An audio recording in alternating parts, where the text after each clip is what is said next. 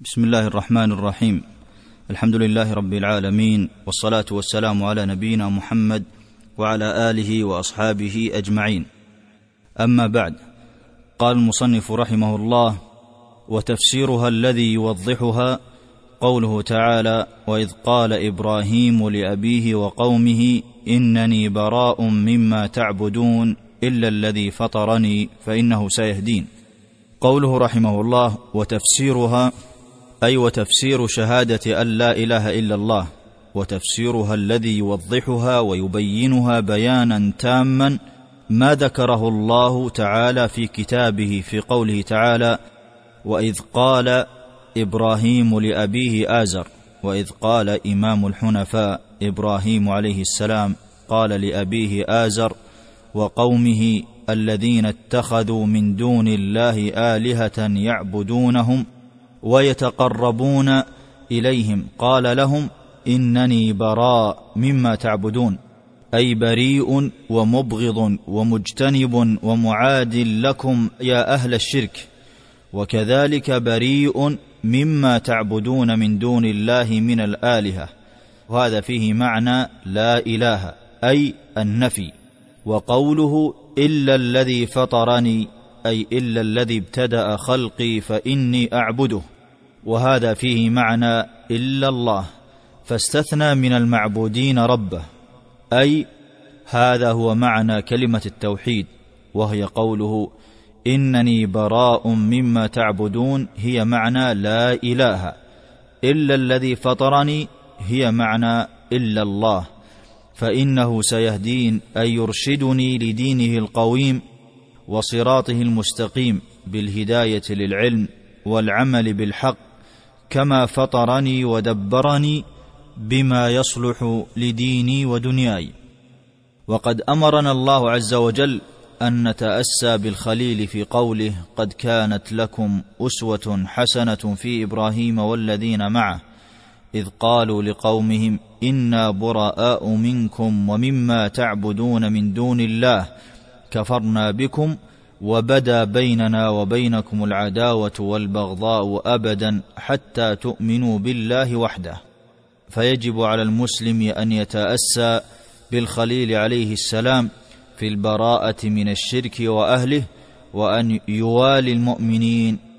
وجعلها أي وجعلها كلمة باقية في عقبه أي وجعل الخليل عليه السلام كلمة التوحيد. وما تضمنته من إخلاص جميع أنواع العبادة لله وحده والتبرؤ من عبادة كل ما سوى الله جعلها كلمة عظيمة باقية في عقبه ونسله وذريته لعلهم يرجعون إليها فيقتدون بمن هداه الله من ذريته إليها.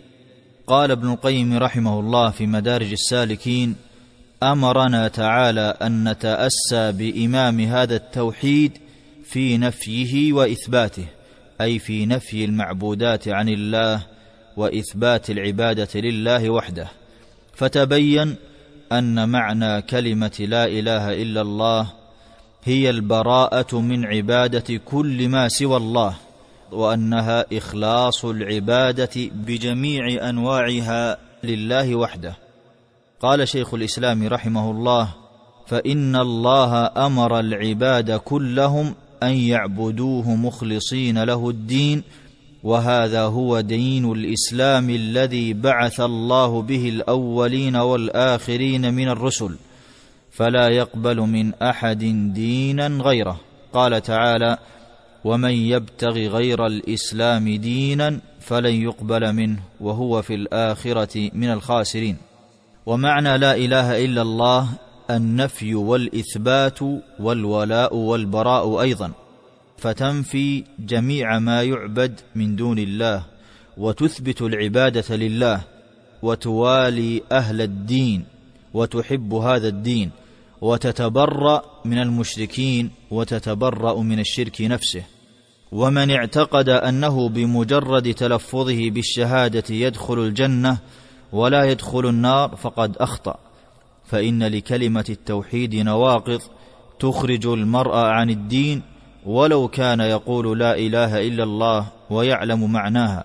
فيجب على المسلم أن يعلم نواقض الإسلام.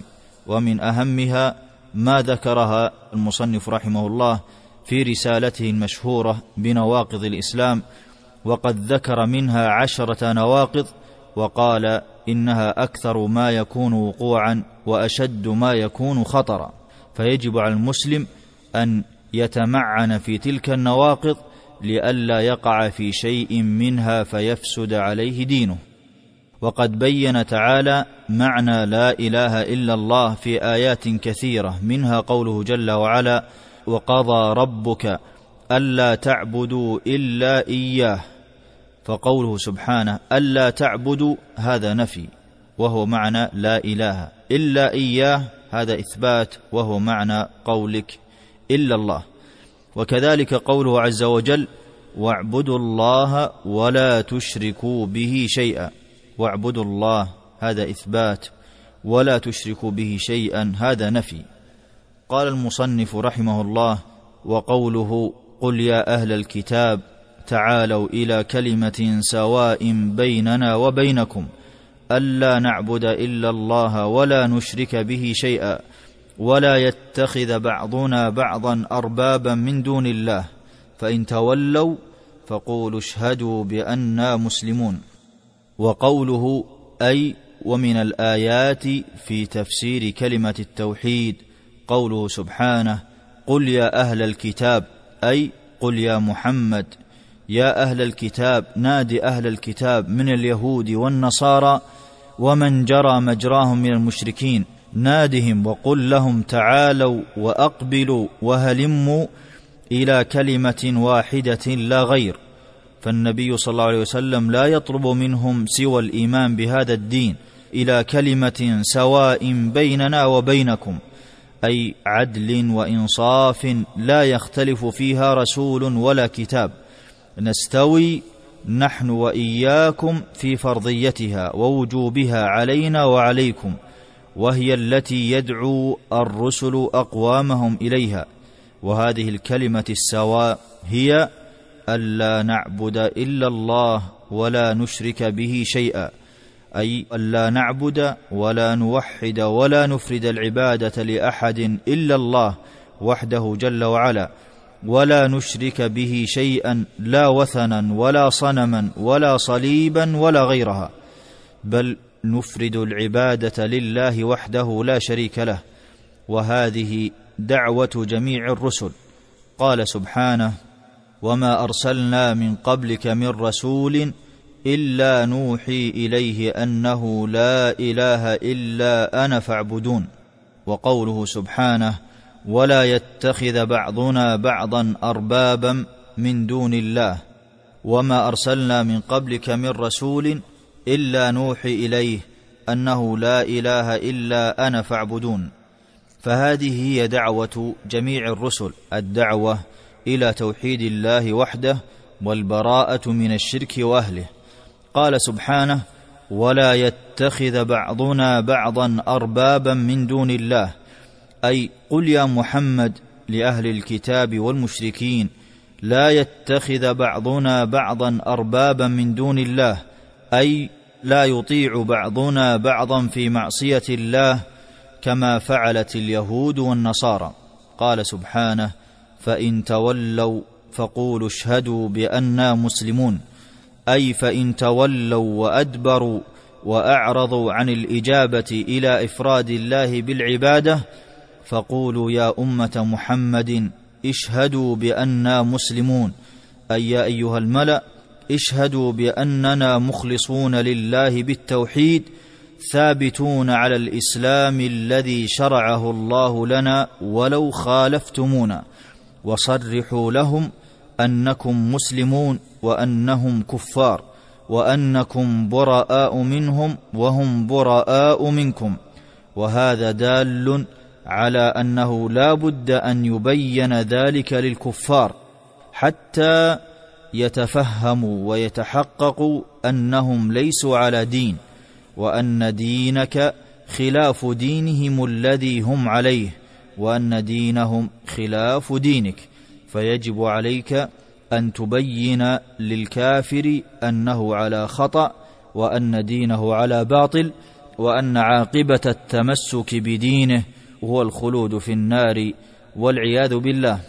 وهذه الآية الكريمة التي استدل بها المصنف على تفسير كلمة التوحيد قل يا أهل الكتاب تعالوا إلى كلمة سواء بيننا وبينكم كان عليه الصلاة والسلام يكاتب بها إلى ملوك أهل الكتاب وكان يقرأ بها في الركعة الثانية من سنة الفجر لاشتمالها على الدعوة إلى دين واحد فقد اتفق عليها الأنبياء والمرسلون عليهم الصلاة والسلام واحتوت على توحيد الإلهية المبني على عبادة الله وحده وأن يعتقد أن البشر وجميع الخلق لا يستحق أحد منهم شيئا من خصائص الربوبية ولا من نعوت الإلهية فإن انقاد أهل الكتاب وغيرهم إلى هذا فقد اهتدوا وإلا فهم في ضلالهم يعمهون.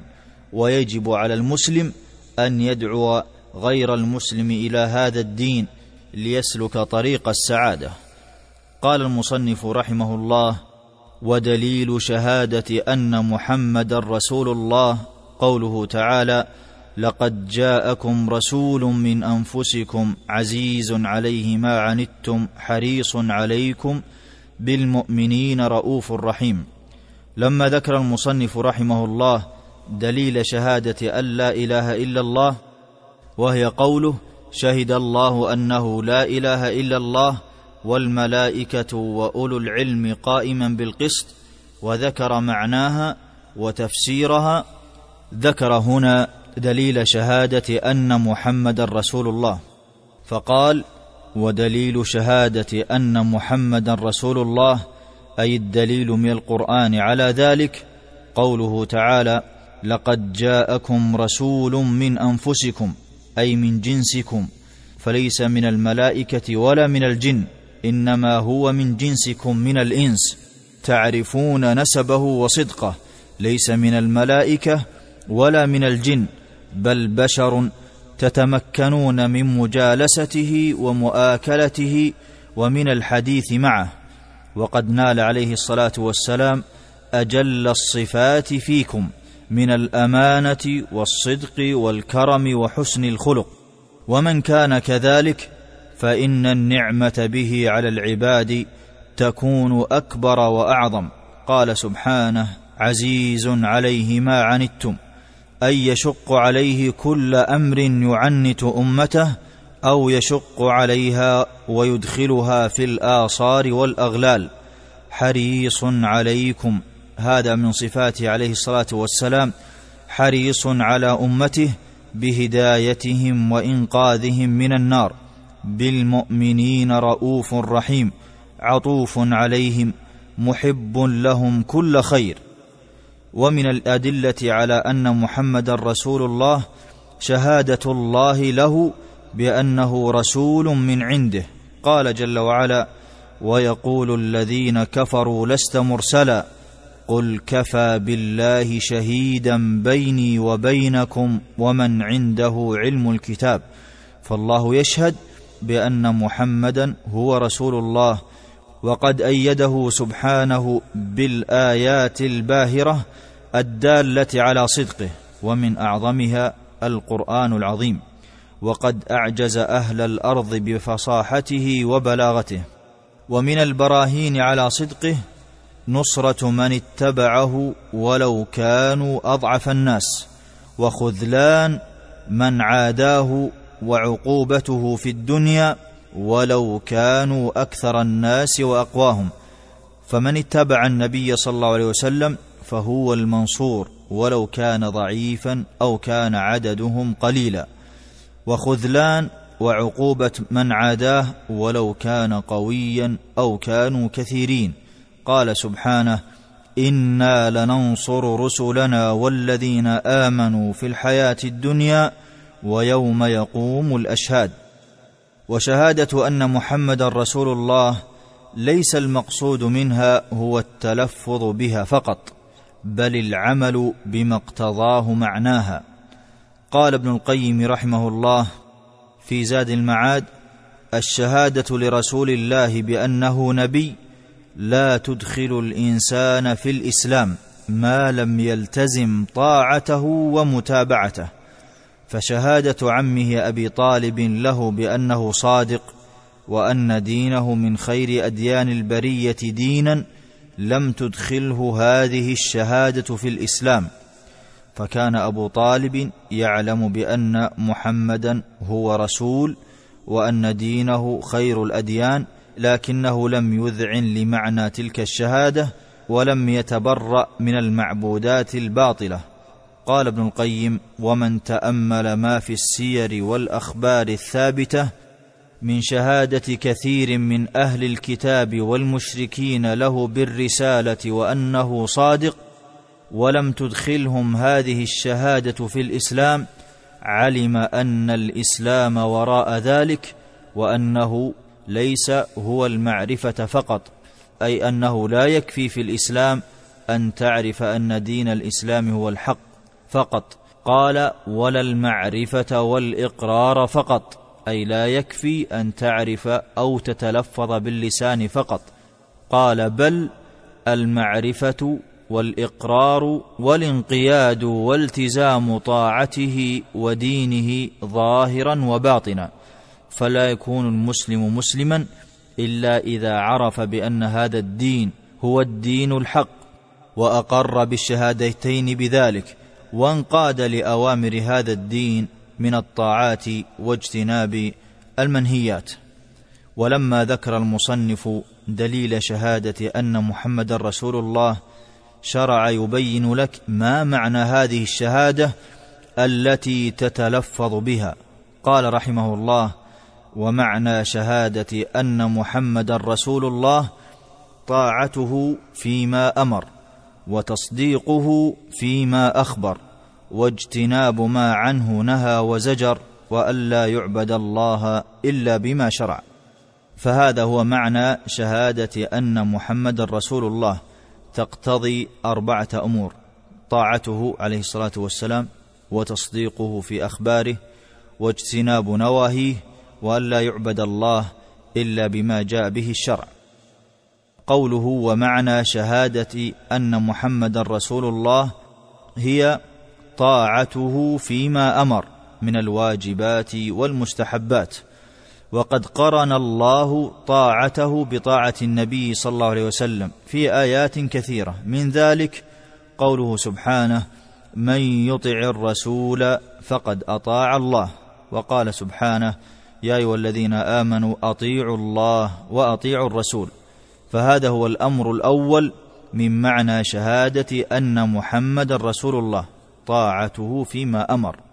الأمر الثاني وتصديقه فيما أخبر أي فيما أخبر به من أخبار الأمم الماضية كعاد وفرعون وقوم لوط وقوم نوح وقصة آدم ويوسف وموسى وغيرها من الأمم أو ما أخبر به من الأمور المستقبلة كأخبار الساعة أو أحوال اليوم الآخر من الحشر والنشر والصراط والجنة والنار. وأخباره حق وصدق لا كذب فيها ولا خلف. قال ابن القيم رحمه الله في كتاب أحكام أهل الذمة قال الإيمان يرجع إلى أصلين طاعة الرسول صلى الله عليه وسلم فيما أمر وتصديقه فيما أخبر. فطاعته تشمل طاعة أوامره واجتناب نواهيه وتشمل ألا يعبد الله إلا بما جاء به عليه الصلاة والسلام وتصديقه فيما أخبر.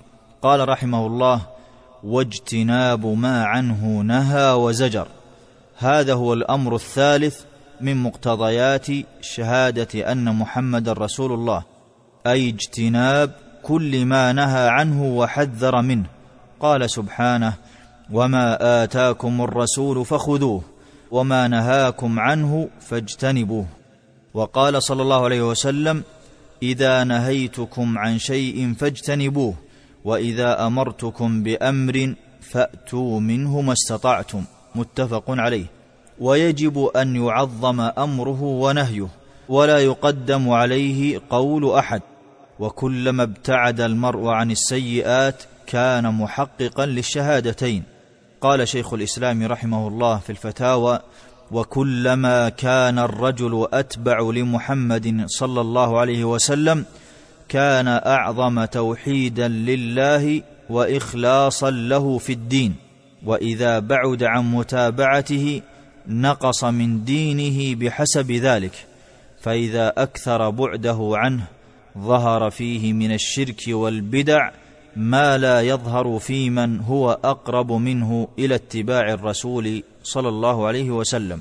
فيجب على العبد أن يكون طائعا للنبي عليه الصلاة والسلام في كل أمر وأن يحذر معصيته كما قال سبحانه فليحذر الذين يخالفون عن أمره أن تصيبهم فتنة أو يصيبهم عذاب أليم قال رحمه الله والا يعبد الله الا بما شرع. هذا هو الامر الرابع من مقتضيات معنى شهاده ان محمدا رسول الله. والا يعبد الله الا بما شرع الا بما شرع سبحانه في كتابه وما جاء به الرسول صلى الله عليه وسلم. فلا نعبده جل وعلا بالاهواء ولا بالبدع. قال الزهري رحمه الله من الله الرساله وعلى رسوله البلاغ وعلينا التسليم. فالله عز وجل أرسل لنا الرسول والرسول بلغ ويجب علينا نحن التسليم والإذعان والطاعة. فأول ما يجب على العبد معرفة معنى الشهادتين مع النطق بها بلسانه وأن يعمل بما دلت عليه ومن علم معناها وأنها لا معبود بحق إلا الله وعمل بمقتضياتها. من طاعة الله واجتناب نواهيه فهو السعيد حقا. قال شيخ الإسلام رحمه الله أسعد الخلق وأعظمهم نعيما وأعلاهم درجة أعظمهم اتباعا وموافقة له علما وعملا. فجماع دين الإسلام أن يعبد الله وحده لا شريك له ويعبده بما شرعه سبحانه وتعالى من الواجبات والمستحبات والمندوبات ومن سلك غير طريق المصطفى صلى الله عليه وسلم لم يفتح له الباب. قال الجنيد رحمه الله الطرق كلها مسدودة على الخلق إلا على من اقتفى أثر الرسول صلى الله عليه وسلم واتبع سنته ولزم طريقته فإن طرق الخيرات كلها مفتوحة عليه. فيجب على المسلم أن يطيع الله ورسوله فيما أمر وأن يجتنب ما نهى الله عز وجل عنه وأن يحذر في عبادته من البدع والأهواء فيما لم يشرعه هذا الدين. قال رحمه الله ودليل الصلاة والزكاة وتفسير التوحيد قوله تعالى وما أمروا إلا ليعبدوا الله مخلصين له الدين لما ذكر رحمه الله دليل الشهادتين. ذكر هنا دليل الركن الثاني والثالث من أركان المرتبة الأولى وهي مرتبة الإسلام. فقال ودليل الصلاة والزكاة أي ودليل أن الصلاة مفروضة وأن الزكاة من أركان الإسلام أيضا. ودليل أيضا تفسير التوحيد الذي هو الأساس الذي لا يستقيم إسلام عبد إلا به دليل ذلك قوله سبحانه وما أمروا أي الكفار في جميع الأزمان إلا ليعبدوا الله مخلصين له الدين أي قاصدين بجميع عباداتهم الظاهرة والباطنة وجه الله وطلب الزلفى لديه أي قاصدين بجميع عباداتهم الظاهرة والباطنة قاصدين وجه الله وطالبين الزلفى لديه. حنفاء أي مائلين عن الأديان كلها إلى دين الإسلام. ويقيم الصلاة أي بأركانها وواجباتها في أوقاتها.